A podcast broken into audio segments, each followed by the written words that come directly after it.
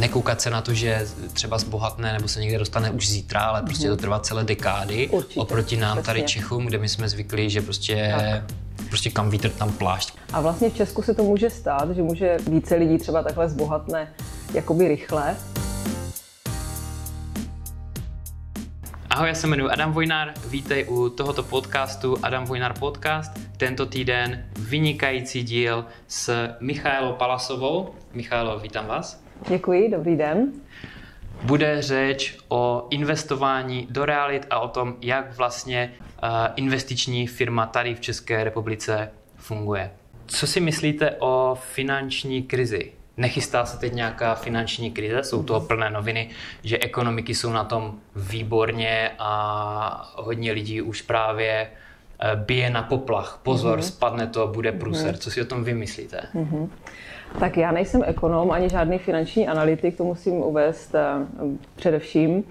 A nicméně samozřejmě podle všelijakých křivek by se teďka něco mělo stát. Jak říkáte, je velice nízká nezaměstnanost, um, jsou vysoké platy.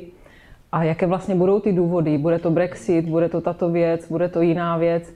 Ale já osobně bych řekla, že bychom třeba ani nemluvili o finanční krizi, ale možná o nějaké úplně jiné krizi. Já jsem si dovolila donést tady um, citát Tomáše Bati, což je vlastně rodák ze Zlína, jsme dneska ve Zlíně, který říkal, příčinou krize je morální bída.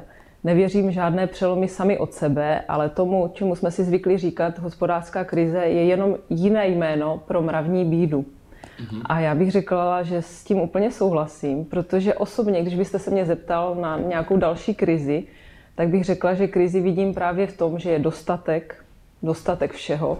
Ano. Máme vlastně všechno, na všechno si můžeme sáhnout, všechno si můžeme dostat to, co chceme.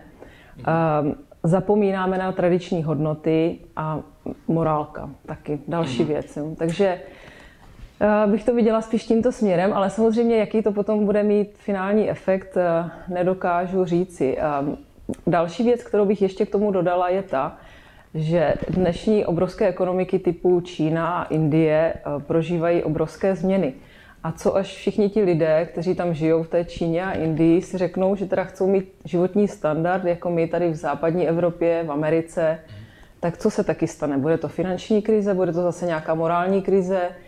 jak to vlastně shrneme dohromady. Takže já bych to viděla spíše tímto směrem. Uh, sledujete něco, když se teda bavíme o morální krizi, že se něco mm-hmm. změnilo za posledních pět, deset let, nebo nějaký časový horizont, že se něco prostě mění v té morálce? Určitě to sleduji, sleduji například na mých dětech, kdy já mm-hmm. jsem ještě takzvané husákovo dítě a všechno, co jsme měli, tak jsme si všeho strašně vážili a museli jsme si to nějak zasloužit, když to ty děti dneska mají úplně všechno, mají spoustu hrače, pokud jim to neregulujete, mají všecko prostě, co si, co si přejou a teďka čeho si budou vážit. Neumí třeba spolu komunikovat, že? Komunikujou jenom přes mobily, přes počítače, ale neumí si spolu sednout a, a povídat si. Mm-hmm. Takže to bych řekla, že už jenom teďka vidím jenom prostě tady v, v těchto rozdíl, v těchto generacích. Mm-hmm.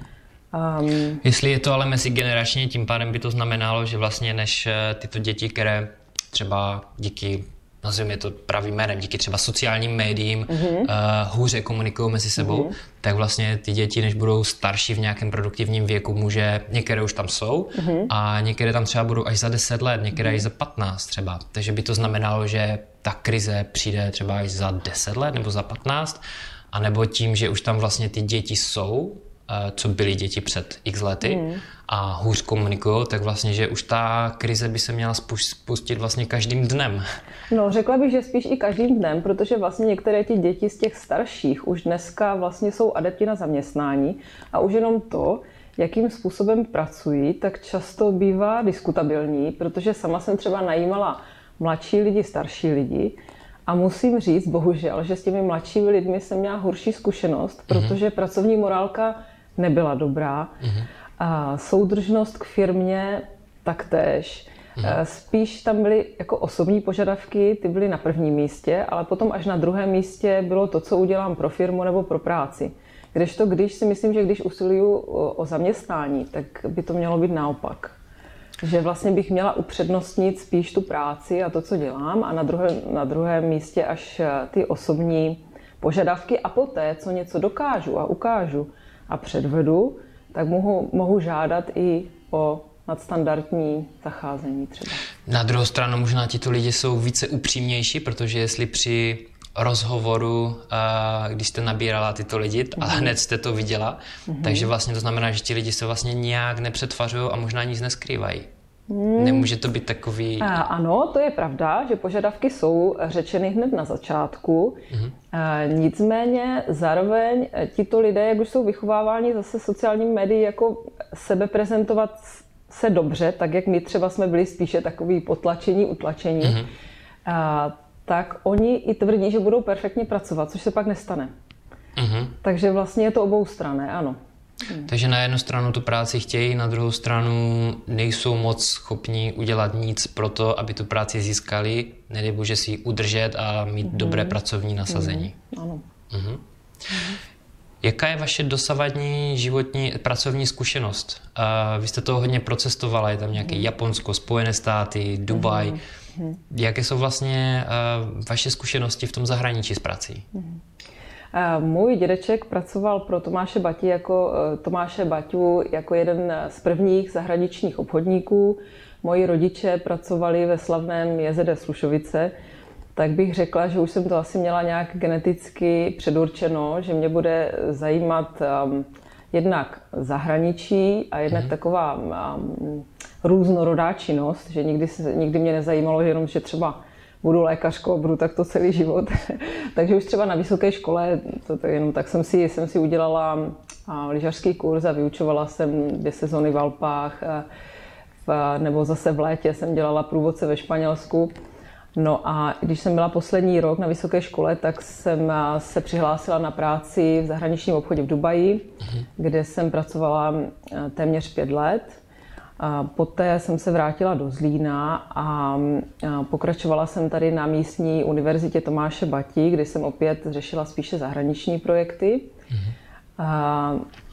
Tato zkušenost byla potom završena v soukromé firmě, mm, která vyrábí krásné luxusní kožené rukavice, ručně vyráběné tady ve Zlíně.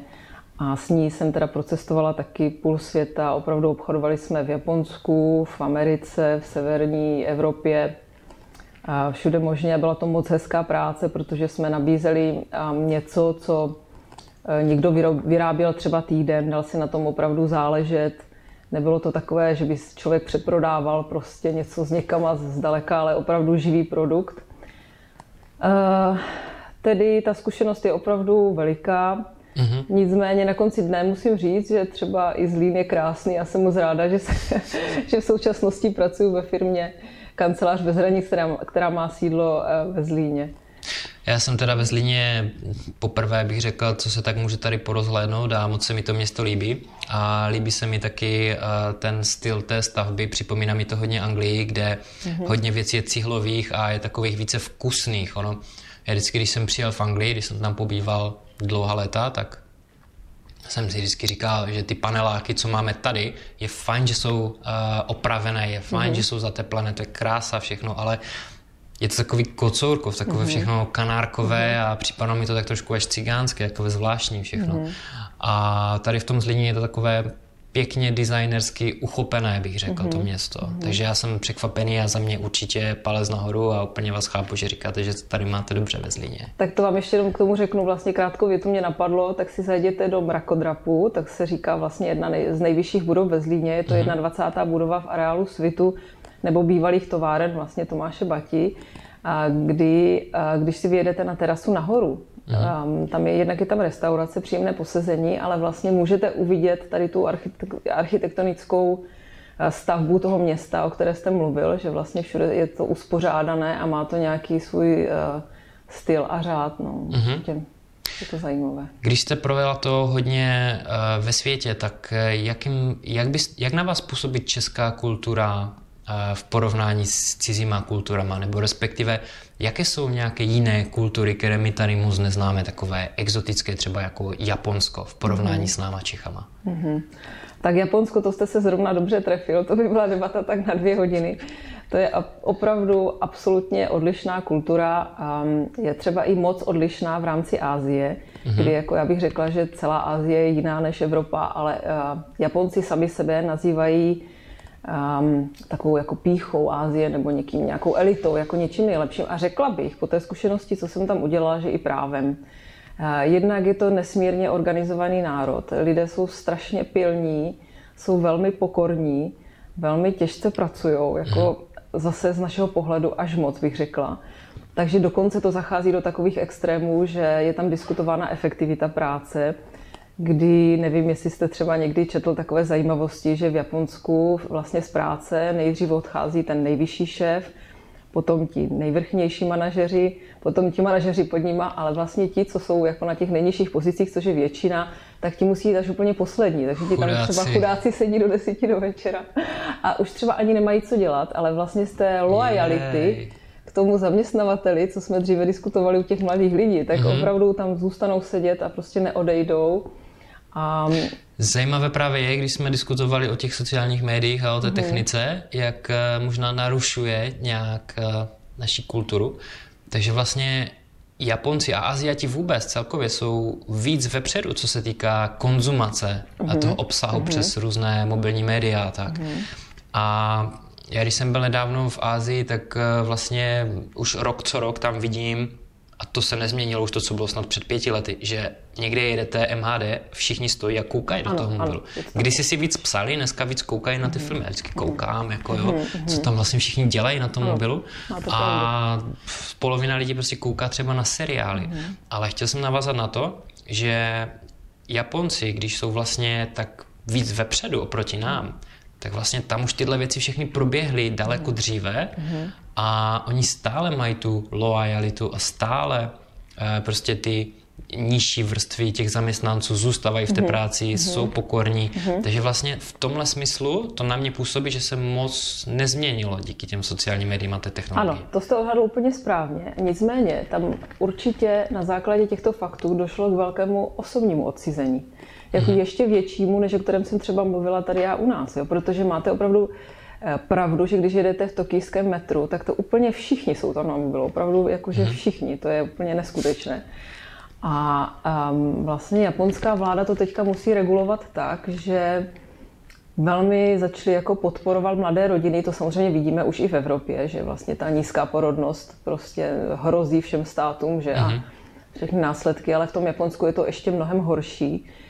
Um, Další třeba začali tam zavádět povinně dovolenou, protože ty Japonci si ani jako nebrali dovolené, nebo jak byly státní svátky různě, tak, jim, tak se jim teďka snaží jako navýšit počty dnů té dovolené a tak nějak je i motivovat, aby šli ven a aby byli spolu, protože už právě, jak říkáte, víc cítí ty důsledky toho, tady těch sociálních médií a toho velkého využívání mm-hmm. sociálních médií, že dochází k odcizení lidí, odosobnění a pak se nerodí děti. Mm-hmm.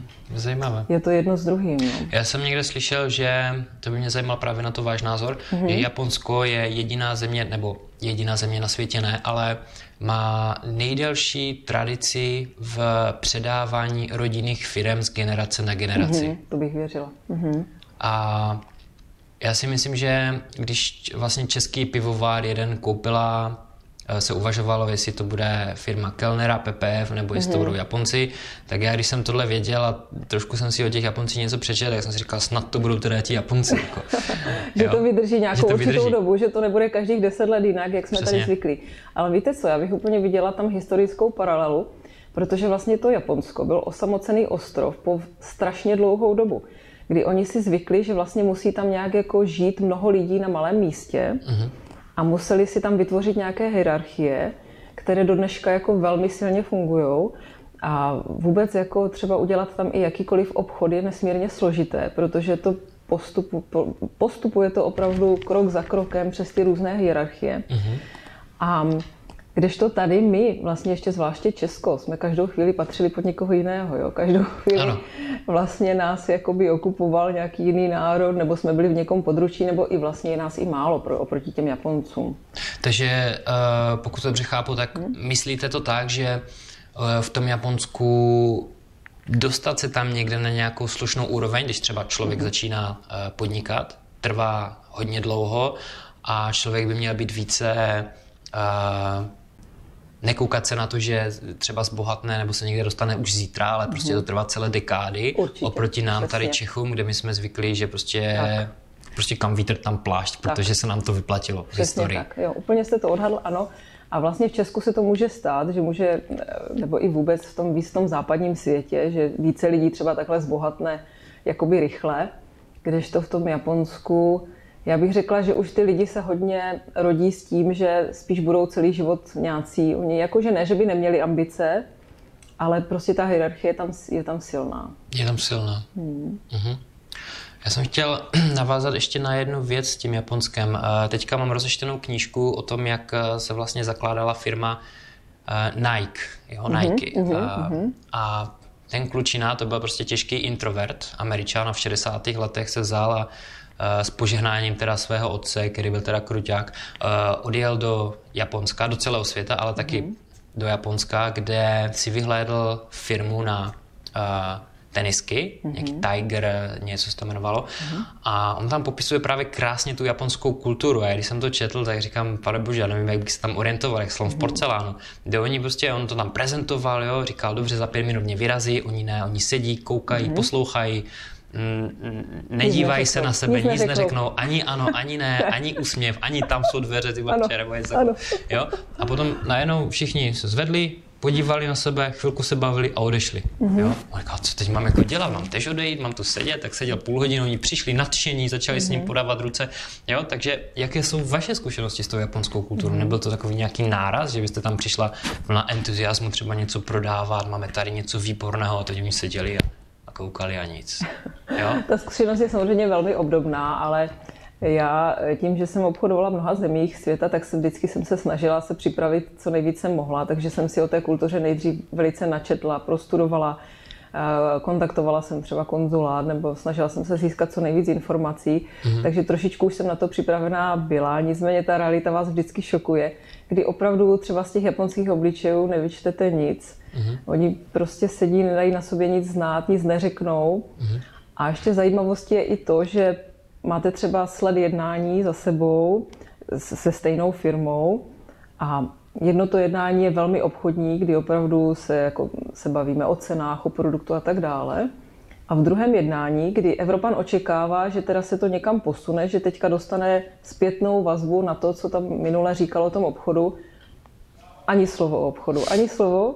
Bavíme se o osobních stazích, o různých, um, o rodině, uh-huh. o, já nevím, o České republice, o fotbale, o hokeji a, a tak dále. A vy tam třeba cestujete prostě přes půl země koule kvůli jednání a vlastně z toho není nic, jo. A ono vůbec Takže, tomu nedojde ani třeba za... Absolutně. Ne? A vlastně i jako všichni místní, co mi tak radili, tak mě říkali, že ani nemám tlačit na pilu takzvaně, že vůbec se nesnaží to téma otevřít, že když se nebudou oni ho otvírat, tak vůbec to ani nedělá. Takže pro jakékoliv vlastně investory zahraniční nebo majitele firm si myslím, že to musí být extrémně náročné, když vyšlou obchodníka někam a ten vlastně nedoveze výsledek. Ale v Japonsku je to tak, že oni si vás strašně dlouho testují, Vždycky se říká, že tak minimálně dva roky a pak až s vámi začnou teda uzavírat ty obchody, ale zase je to třeba na celý život. Že oni už mm-hmm. potom, i když přijde třeba konkurence, která dokonce i může být možná trošku lepší než vy nebo něco, tak oni prostě už se budou držet vás protože už si s váma vybudovali nejenom obchodní vztah, ale i vztah na té osobní rovině. Ne, že by s váma zase byli kamarádi, to jako ne, ale že vám důvěřují, že už třeba ví, jak vaše firma funguje, že se nějak ujistili, udělají si nějaké analýzy na vás. Takže jak jste mluvil o tom pivovaru, tak bych řekla, že Japonci opravdu si udělali strašně důkladnou rešerži, um, recenze veškeré si pročetli, zjistili, než do něčeho takového šli. Mm-hmm. Um, takže jako je to vlastně dobré i špatné, protože na počátku musíte strašně moc investovat, aby vůbec se tam se člověk nějak etabloval. Nemluví o tom, že samozřejmě musíte mít špičkový produkt, aby si vás vůbec všimli. Samozřejmě. Jo, protože tam je za dveřma ta Čína, Jižní Korea a tak dále, takže konkurence je obrovská. Nicméně, ehm, vlastně, jak jsem již mluvila, jsme prodávali luxusní kožené rukavice. Uh, Japonci velmi ocení kvalitu, ruční práci, velmi mm-hmm. ocení to, když něco uděláte velice dobře. A tím, um, že ta bonita je tam vysoká, tak vlastně jsou schopni zaplatit. Jo? Opravdu um, průměrný Japonec eh, vydělává spoustu peněz a tím, že nemají místo v Japonsku, to je taky zajímavé, tak vlastně neinvestují do těch domů a pozemků a tak dále, jak je to u nás. Mm-hmm. Oni ty peníze kdyby nemají kam dát. Mm-hmm. Takže oni strašně rádi nakupují ty luxusní věci. Viděl jsem v nějakém pořadu právě, že v Japonsku vůbec neexistuje trh s nemovitostma, s staršíma nemovitostma. Mm-hmm. Že oni ty nemovitosti, ne, teď nevím po kolika dekádách, oni je vezmou a zbourají. I když tam třeba ti lidi furt žijou, mm-hmm. tak oni jim zbourají a tady máte novou. A pak mm-hmm. je mhm. nějaká obrovská firma, která to vyrobí, přivezou to kamiony mm-hmm. a tam to mhm. nějak prostě sestaví Seskládají, během no. pár dnů. No, no, no. Setkala jste ano. se s tím? Ty nemovitosti opravdu, jako co jsem kde různě i bydlela, i třeba po velmi kvalitních hotelech a pak teda už jsme si i začali vybírat, tak opravdu je to takový ten typ té stavby, která jako se počítá s tím, že se to zbourá, protože všechno je jenom z takových stěn, jako jednoduchých. I interiéry jsou velmi jednoduché, na mm-hmm. Evropana samozřejmě velmi malé, takže to podporuje tady tu filozofii, kterou říkáte. Um, často i když jsme tam třeba cestovali na celý týden, tak jsme se cítili až stísněně někde, jako jo, že když prostě máte pokoj, kde se člověk pomalu ani jako nepřetočí, tak potřebujete něco jiného. Ale zase to souvisí s japonskou mentalitou, kdy oni z té práce jdou velmi pozdě večer. Mm-hmm. A 90% se jich nají někde cestou na ulici, v nějaké restauraci, to je taková kultura. A vlastně domů přijdou pozdě se jenom v podstatě vyspat. A někde jsem četl ještě, že oni jdou snad tak daleko tady v tomhle, co se té práce týká, hmm. toho dojíždění, že dokonce ani nemají čas třeba dojet domů, protože cestují přes to Tokio, mm. je to mhm. velké město no je. a prostě spí v takových těch uh, úzkých, ano, jak skoro jak v rakví, ano, jo, že tam vlastně vejdou jenom, jenom oni sami a tam přespí ano. a zase jdou do té práce. Ano, to tak opravdu je a vlastně ukazuje to na to obrovské sebeodříkání a mm. takovou nějakou morálku, že vlastně nic vám nevadí na úkor sebe. Jo? Že oni to udělají všechno na úkor sebe. Život je utrpení. No, no, ale jako oni to tak vidí. Jo? Mm. A mhm. oni vlastně se potom na nás, na Evropany a Američany a tak dále jako dívají hodně z vrchu, že vlastně nic nedokážeme, že pořád jenom upřednostňujeme jako své ego mm-hmm. a svoje osobní potřeby mm-hmm. a, oproti zájmu celku. Mm-hmm. Já jsem si to logicky takhle osobně vždycky vysvětlila proto, že jich, jak je jich tam moc, tak oni se takhle museli nějak zorganizovat, aby to vůbec přežili. Jo, a ona jako celá Asie je vlastně, jak se říká, crowded, jakože plná, je tam prostě strašně moc lidí, jako Čína, Indie a tak dále. Ale ano. Japonsko jediné, co jsem viděla, je zorganizované. Že ten crowd, že ten dav je tam prostě zorganizovaný a opravdu po všech směrech, jako jo. Hlavně vlaky jezdí prostě skoro na samou vteřinu přesně. práci, osobní život, prostě ve všem oni jsou zorganizovaní. Jo? A mhm. třeba uh-huh. opravdu jedete do metra, tak je tam ta řada, není to jako, že by se ty lidi tak spali ze všech stran jak u nás, ale je tam ta způsobná řada. Mm-hmm. A oni to tak dělají sami od sebe. Oni jsou takový hnaní nějakým uh, takovým byčem, mám takový dojem. Mm-hmm. Na jednu stranu takový až uh, Extrém pro nás. totalitní mm-hmm. přístup k věcem a na druhou stranu, jako je tam ta demokracie, mm-hmm. že jo? Mhm. Prostě mají ty možnosti, mají ty peníze, můžou si mm-hmm. s těma dělat, co chtějí. Mm-hmm. Takže pro nás úplně strašně, strašně zajímavá hmm. kultura. Hmm. No to opravdu, jak jste řekl, jak jste řekl zrovna příklad Japonsko, tak a to je zrovna nejodlišnější kultura jako od nás, no, fakt. Co vás přivedlo k těm realitám? A nebyly to zrovna ty domy v tom Japonsku, jste viděla, jak to tam všechno funguje, jste řekla? To tak mě upřímně, možná zajímá. upřímně to mě tehdy ještě vůbec nenapadlo, protože k realitám mě přivedlo to, že um, můj bratranec David Pavlík má úžasnou firmu Kancelář bez hranic, kde zrovna se nacházíme a kde teďka v současné době pracuji. A ten zrovna hledal někoho, kdo by tady do té firmy, do týmu toho firmy eh, zapadl a přidal se, takže to byla taková zhoda náhod. A tedy přivedlo mě to, že jsem chtěla pracovat v rodinné firmě a spolu se svým bratrancem. Eh, na druhou stranu musím říct, že reality mě bavily vždycky. Mm-hmm. Když jsme s manželem stavili dům, tak mě bavilo se o všechno zajímat kolem. Mm-hmm. Vybírali jsme asi dva roky, takže a určitě to nebylo něco, co by mě vůbec nebavilo nebo nezajímalo. Ale je pravda, že jsem se vrhla do oboru, o kterém jsem nevěděla až tak moc zase. A, uh-huh. Čím se zabývá? Co je takový ten core business uh, kancelář bez hranic? Je to uh, opravdu o kancelářích, anebo je zatím něco jiného? Uh-huh tak určitě je zatím spíš něco jiného, protože v té kanceláři permanentně jsme třeba tak maximálně dvě z kolegyní, jinak kolegové jsou v terénu hlavně a my jim tady děláme takovou jakoby kancelářskou podporu. Mm-hmm. A Kancelář bez hranic především kupuje nemovitosti pro své klienty a potom z velké většiny, řekněme z 99%, je bere do zprávy. To znamená, že za ty klienty se kompletně staráme o vše, co se té nemovitosti týče. Od vyhledání nájemníka přes ubytování ho, zajištění nájemních smluv, eh, veškeré administrativy s dodavateli energií, s různými bytovými družstvy, s úřady, Prostě vše, co si, na co si vzpomenete, když eh, jste majitelem nemovitosti a všechno, co vlastně musíte zajišťovat. Právní servis, eh, Právní servis. obnova smluv, eh, najít ano. nájemníka, ukázat mu to hlavně, protože to ano. je takový hodně časově náročné, pokud mhm. to má někdo si dělat sám. Mm. Hodně lidí říká, já prostě jenom bez realitky, a nechci nikomu nic platit, jenomže potom hodně zjistí, že si tam nastěhuje prvního lepšího za takhle. Než vůbec nikoho najde, tak mm. musí na ten byt jít desetkrát, mm. dvacetkrát. Mm. To může stát hodně času mm. a mhm. energie. Mm.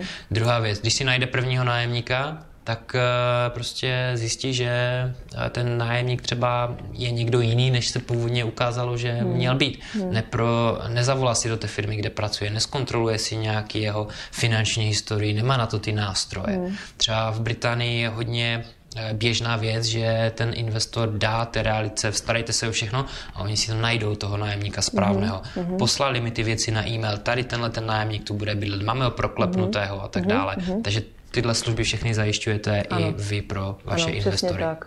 A řekla bych, že asi v Česku samozřejmě už je i pár firm, které to dělá také, eh, dělají také, ale a jako ten, ta služba obecně si myslím, že je tady relativně nová. V Americe, asi v Anglii, jako je to zvykem, že opravdu majitel bytu prostě nemá prostor. Řekla bych, že hlavně časový prostor se o tady toto všechno starat a zároveň ani třeba se mu nechce pouštět do nějakých vědomostí ohledně energií a bytových družstev a tak mhm. dále a zákonů a všeho. Takže když potom jako je někdo, kdo vlastně to všechno v celku ví a zná a dokáže to zajistit, tak si myslím, že to je strašně výhodná služba. Míšo, jste taky investorkou do realit?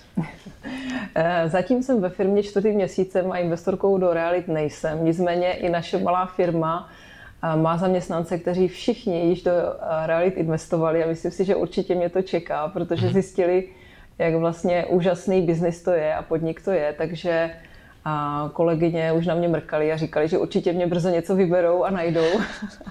takže si myslím, že mě to čeká nemine. Zatím jenom máme s manželem svůj rodinný dům, takže to je naše veškerá investice, ale... Mm, takže se tomu nebráníte? Ale nebráním se tomu určitě, protože když jsem poznala, jak vlastně úžasně to může fungovat, mm-hmm.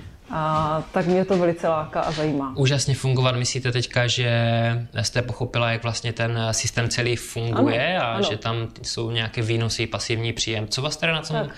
Ehm, láká nejvíc na tom investování, že no, je to ta zajímavá věc, proč tam dát ty peníze? Zaujal mě jednak ten systém, jak to funguje. Samozřejmě i ta jeho výnosnost je důležitá, protože myslím na své děti. A myslím si taky, eh, že reality jsou jedna z komodit, jestli to tak nazveme, která je taková rozhodně stálejší než třeba, řekněme, zlato nebo americký dolar, nebo nevím, v čem, v čem by člověk chtěl mít své investice uložené tak eh, jako ještě mám v hlavě asi nějaký takový ten sedlácký put, jako že máte vlastně nějaký grunt a, mm-hmm. a mám takový pocit, že to tak vždycky bude minimálně tady v těchto oblastech, kde žijeme. Mm-hmm. Na vašem webu uh, Kancelář bez realit píšete, vybrat, koupit, vlastnit a pronajímat nemovitost na dálku je možná jednodušší, než si myslíte. Mm-hmm. Jak může být jednoduché projíma, uh, pronajímat a něco vlastnit na dálku? Mm-hmm. Tak eh, za ty roky, kdy ta firma existuje, jsme si vytvořili takové svoje know-how a pracujeme především na základě plné moci od klienta, kterou nám podepíše, a smlouvy o správě majetku. A vlastně s těmito dvěmi základními dokumenty potom dokážeme za klienta všechno vyřídit i na dálku. Když on tady fyzicky není, třeba 90% našich klientů žije ve Spojených státech a my v podstatě je k tomu v vozovkách vůbec tady nepotřebujeme. Jo. Když máme plnou moc, tak všechno vyřídíme za ně. Ten systém velice dobře funguje, celá operativa je přes nás a máme i takový, jakoby, řekla bych, počítačový systém, který klientovi velmi přehledně ukáže, co se na té jeho nemovitosti detailně děje, vidí veškeré pohyby na účtu, má tam informace, když ten byt pronajímá, jako kdo zrovna, jaký nájemník tam je, informace o tom člověku. Může si každý den vlastně tu svou realitu prohlídnout. Mm-hmm. Takže, Takže osvědčilo se nám to, všechno s klientem konzultujeme, probíráme každý krok. Mm-hmm. V době e-mailů a všech sociálních úplně médií mm-hmm. je to úplně v klidu. Je to opravdu jenom jako časový posun třeba vymyslet a to je všechno. Eh, kdyby někdo vlastně bydl na jedné straně Zlína a na druhé měl investiční nemovitost, tak oni nemusí vědět tolik, jako třeba váš eh, americký nějaký zákazník, kterému Přesně podáváte tak. vlastně nějaký report, nějaké Určitě. informace o té nemovitosti. Přesně tak. Mm. Jak navazujete důvěru s klientem, mm. když vlastně on není z České republiky a je to takhle všechno na dálku? Je to mhm. obtížná věc? Nebo ten klient si vás sám najde a řekne, já s váma jedu, jdu do toho? Jak tady tohle probíhá? No řekla bych, že máme veliké štěstí, protože e, zatím o ty klienty nemusíme bojovat. Naopak, reference od klientů máme velmi dobré. A začalo to tak, že kluci majitelé firmy, David Pavlík a Měda Čoček, měli své známé v Americe, kteří tady chtěli investovat v Česku, chtěli si pořídit nemovitost, tak e, to začalo s několika, s pár nemovitostmi, které si tady zakoupili. Mm-hmm. A tím, že ten servis ta firma udělala tak dobře a spolehlivě, a, tak se to povědomí začalo šířit a mhm. vlastně fungovalo. U nás opravdu funguje takzvané word of mouth mm-hmm. což znamená doporučení ústně mezi lidmi. A ty klienti se pořád nabalují, přidávají se další a další. A, a, a v současné době už to třeba nemusí být všechno osobní známí, ale jsou to zase známí těch známých. Jo. Takže, to Takže nějaký marketing uh, promyšlený, sofistikovaný na, ve Spojených státech neproběhl. Ne, neproběhl, ne. neproběhl. Tam si to ti lidi řeknou na tom pivu mezi sebou. Tak. tak, přesně tak. Jo. I když dneska zrovna už eh, na našem meetingu jsme měli jakoby první takový návrh, jako jak budeme teďka dělat další marketing, že bychom se teda už do něčeho měli zapojit a, a trošičku se oživit ale a, nicméně do této doby spíš řešíme situaci takovou, aby jsme vůbec ty klienty všechny stihli uh, obsloužit v tak malém kolektivu. Mm-hmm. Čekající klienty. Vlastně. Může dostat uh, hypotéku zahraniční investor tady v České republice? A tak tady musíme rozlišit vlastně dvě věci. Jestli je to zahraniční investor člověk, který má český pas, vlastně ale žije trvalé v zahraničí, mm-hmm a nebo jako někdo, kdo teda ten český pas nemá. Jako jak jsem už říkala, 90% našich klientů jsou um, Češi, kteří ale jenom žijí v zahraničí a pracují tam. Nehledě na to, že tam jsou třeba 10-20 let, to nevadí, nicméně oni mají třeba trvalý pobyt v Česku. Takže to není problém. Ale pokud se ptáte na to, jestli je to zahraniční investor, který český pas nemá, tak potom už je to problém. Samozřejmě každá banka má své specifické požadavky, do toho se tady nebudeme ani pouštět a vlastně mm-hmm. je to na základě asi různých věcí, které se i velmi často mění. Opravdu mění se třeba z roku na rok ty požadavky. Nicméně ten zahraniční investor je možný v případě, že by ten člověk měl trvalý pobyt v České republice, měl by prostě zkrátka nějakou vazbu na Českou republiku. Um, a nebo um, měl by tady třeba nějaký trvalý příjem. Mm-hmm. Jo. Takže kdyby chtěl někdo investovat na hypotéku, nemá český pás, tak zřejmě pro toho investora bude asi lepší uh, buď to investovat u nich ve státě, anebo zastavit nemovitost, kterou tam vlastně, já vím, že to takhle funguje v České republice, když jsem si zjišťoval hypotéky mm-hmm. třeba v Anglii, mm-hmm. tak zastavit nemovitost tady v České republice, kterou vlastním mm-hmm. a ta banka mi vlastně na tu nemovitost Británii dá peníze ale musím tady něco mít a vlastnit. Takže, mm-hmm. Tím... Takže musel jste prokázat bonitu, tím chcete říct, jako že máte jakousi, musela to být přímo nemovitost, nebo třeba stačilo jim, že jste prokázal, že máte nějaký vysoký trvalý příjem? Nemovitost. Nemovitost, Nemovitost protože, mm-hmm. ale je i možnost toho vyššího trvalého příjmu. Mm-hmm. V momentě, kdy je člověk zaměstnaný, tak je vždycky všechno jednodušší, co se týká mm-hmm. financování. Mm-hmm. A tím, že já jsem podnikal, takže to jako pro mě nebyla vůbec mm-hmm. cesta tady to. Ale ta Česká banka je schopná vlastně reagovat na výplatní pásky ze zahraničí. No, právě to jsem chtěla říct, že pokud je to člověk, ehm, který teda nemá ten český pas, tak docela s tím jako narážíme, že ta výplatní páska jim nestačí těm českým bankám, že mhm. oni jsou trošičku jakoby tady v tom zkosnatěle, nebo mm-hmm. já nevím, jak bych to nazvala, prostě um, mm-hmm. brání se tomu. Když jste možná tu situaci, samozřejmě jenom opravdu zajistit ten úvěr řekněme, na koupě nemovitosti, příklad v Rakousku, že jo, to nemovitosti v Česku, že jo, když člověk má třeba příjem v Česku, jo.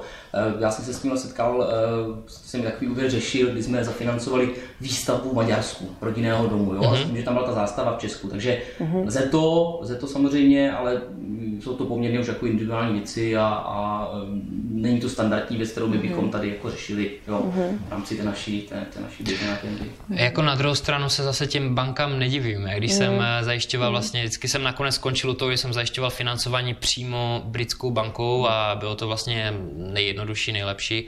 Eh, z toho pohledu potom ten nabídky těch produktů a ten výběr byl lepší, všechno bylo levnější tím pádem, protože vlastně ta banka, ona toho člověka nezná, že? Vlastně mm. nezná tu mm. historii. Jo? Mm. Jak si může sáhnout na ten majetek, když najednou přestane splácet? A ještě nedej bože do zahraničí, mm. pokud by to byla česká banka. Jo? Mm. Takže Um, ani se jim tady v tom nedivím. Jo, máte pravdu, protože um, jak třeba ta banka potom má ty peníze získat zpátky, že když ten ano. člověk je někde trvalé v zahraničí. Takže oni na jednu stranu jako jsou takové zkosnatělé vlastně v tomto přístupu a na druhou stranu zase, když se podíváme zpátky, jak jsme se bavili o těch finančních krizích, tak vlastně Česko z toho vyplulo relativně nejlíp jako ze všech států díky tomu, že vlastně Česká národní banka a vůbec banky se chovaly velmi konzervativně mm-hmm. a drželi všechny tady tyto věci docela pevně v rukou. Takže, jak říkáte, no, má to pro i proti. V Británii jsem se setkal s vynikajícím produktem pro investory, který využívá asi 70% všech majitelů nemovitostí a to je, že si vezmou financování z banky a splácí jenom ten úrok Jo? Když to tady někomu řeknu, každý, uh-huh. Ježíš Maria, uh-huh. ta vlastně nemovitost nikdy nebude prostě vaše, ne? Jako, uh-huh. co, co to je za blbost, ne? Uh-huh. A vždycky říkám, no jo, ale člověk nehraje, eh, nehledí na inflaci. Inflace prostě hraje eh, do karet tomu investorovi. Že vlastně každým uh-huh. rokem, když je inflace, tak vlastně ta inflace splácí dluh toho eh, majitele té nemovitosti. A i když tu akontaci vlastně nikdy nesplatím, tak co udělám za 30 let, tak ta nemovitost bude třeba čtyřikrát vyšší na ceně, mm-hmm. tak prostě ji buď to prodám, banku vyplatím mm-hmm. a ty dalších 80% toho přebytku mm-hmm. si nechám, že jo, nebo si vezmu nové financování s tím samým způsobem. Mm-hmm. A o to mám vlastně větší měsíční příjem. Je něco takového, na co se investoři ze zahraničí ptají tady u nás v České republice? Jak to řekl z pohledu jakoby našeho, tato konkrétní věc, eh, my žádným způsobem nezohledňujeme, takhle jakoby navenek a neprezentujeme tím svým klientům. Neříkáme, ano, ano, ještě vám tady v tom čase ta nemovitost nějakým způsobem poroste na té ceně, jo, jako i z tohoto důvodu je to prostě výhodné a říkáme, že to je taková ta, jako, takový ten jako sladký bonus, jo, kdy my, my prostě počítáme čistě opravdu z příjmy z nájmu, zohledňujeme to, kolik stojí ten provoz té nemovitosti, zohledňujeme to, eh, jak drahý je tam úvěr, samozřejmě, mm-hmm. kolik člověk musí splácet. Jo. Takže eh, tohle konkrétně úplně jako ne, jo, jako ani se o tom se konkrétně jako nebavíme, nenabízíme to takhle, eh, ale víme, že to, víme, že to tam je a že to, že to, že to opravdu tomu člověku tu nemovitost v čase prostě zhodnotí a, a i takhle on vlastně ještě získá něco navíc. Mm-hmm. Já mám teďka pro Míšu ještě poslední otázku. A víš, ptám se teda, než eh, předáte žezlo vašemu kolegovi. Mm-hmm. Je nějaká jedna věc, kterou ve firmě děláte, o které víte, že byste ji dělat neměli, pokud chcete nabízet výborný zákaznický servis a chcete, aby vaše firma rostla dále? Tak já teďka možná až moc spíšně řeknu, že ne, není.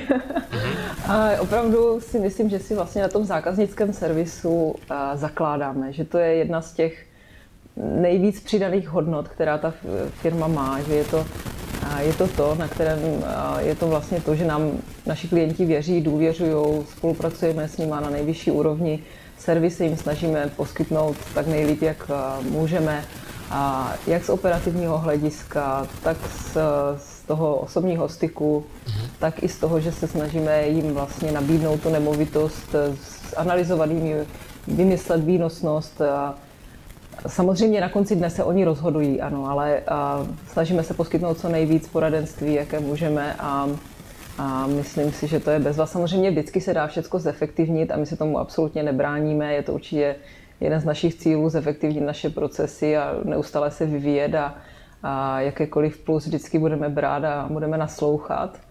A, a taky se učíme, že na třeba jednotlivých případech, to je vždycky, ale mm-hmm. tak jako obecně bych řekla, že eh, zákaznický servis je u nás opravdu dobrý. Mm-hmm. Uh, hodně se stává, že firmy právě mají jednu nohu na plynu a druhou na brzdě. Jo, mm-hmm. že prostě sami neví ani vlastně proč, proto si najímají nějaké uh, konzultanty z externí a tak a jim přijdou a řeknou, ježíš, tady děláte ty procesy, to, to, to, tamto, jo, mm-hmm. takže jestli jste třeba na ně, nejste v řešení něčeho takového právě, mm-hmm. tak tam spířovala taky ten dotaz. Mm-hmm. Uh, tento podcast poslouchají lidi hodně taky ze zahraničí. Mm-hmm. Uh, jsou to Češi, kteří jsou uh, v Holandsku, ve Velké Británii hodně, ale taky Německo i Spojené státy. Pokud někdo teďka poslouchá a zrovna třeba má pas České republiky mm-hmm. a říká, já bych chtěl prostě investovat v České republice, jednou třeba se tam vrátím, mm-hmm. jo, proč tam nemít nemovitost? Kde mm-hmm. vás ti lidi najdou, kde vás můžou kontaktovat mm-hmm. a konzultovat vlastně jejich nějaké Jasně. možnosti? Tak eh, určitě budeme rádi, když navštívíte naše webové stránky, kde jsou jednak uvedeny veškeré kontakty na nás, ale jednak je tam, eh, bych řekla, velmi eh, přehledně, ale zároveň stručně popsáno, jak celý náš systém funguje.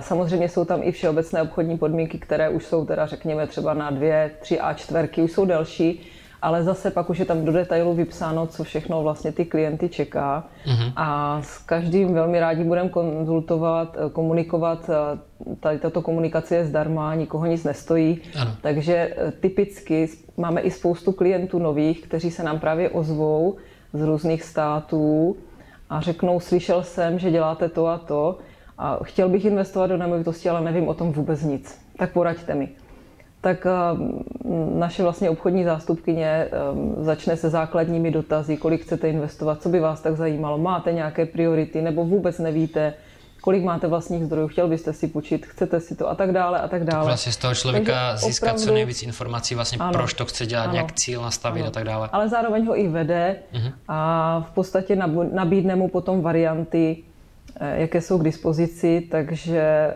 probíhá to všecko veškerém klidu a pohodě, že ten člověk si myslím, že se cítí eh, z tohoto hlediska velmi pohodlně, protože samozřejmě ehm, zahrnujeme to, že si zjistíme o veškerých nemovitostích všechno, co je možné. Zkrátka nekupujeme zajíce v pytli, jak se říká. Mm-hmm. Mm-hmm. Dobře, děkuji. Eh, do rozhovoru eh, nám vlastně ještě vstoupil do odpovědí, pomáhal s odpověďma eh, Miroslav Čoček, advokát. A tady uzavíráme tenhle ten podcast. Děkujeme za sledování. Pokud se podcast líbil, určitě dejte palec nahoru, budeme s Míšou strašně rádi. Sdílejte s někým, kdo uvažuje, že chce investovat do nemovitosti a třeba teďka žije v zahraničí a neví, jak začít, tak kancelář bez hranic určitě, určitě je tady touhle volbou. Tak jo, děkujeme za sledování, loučíme se, ahoj.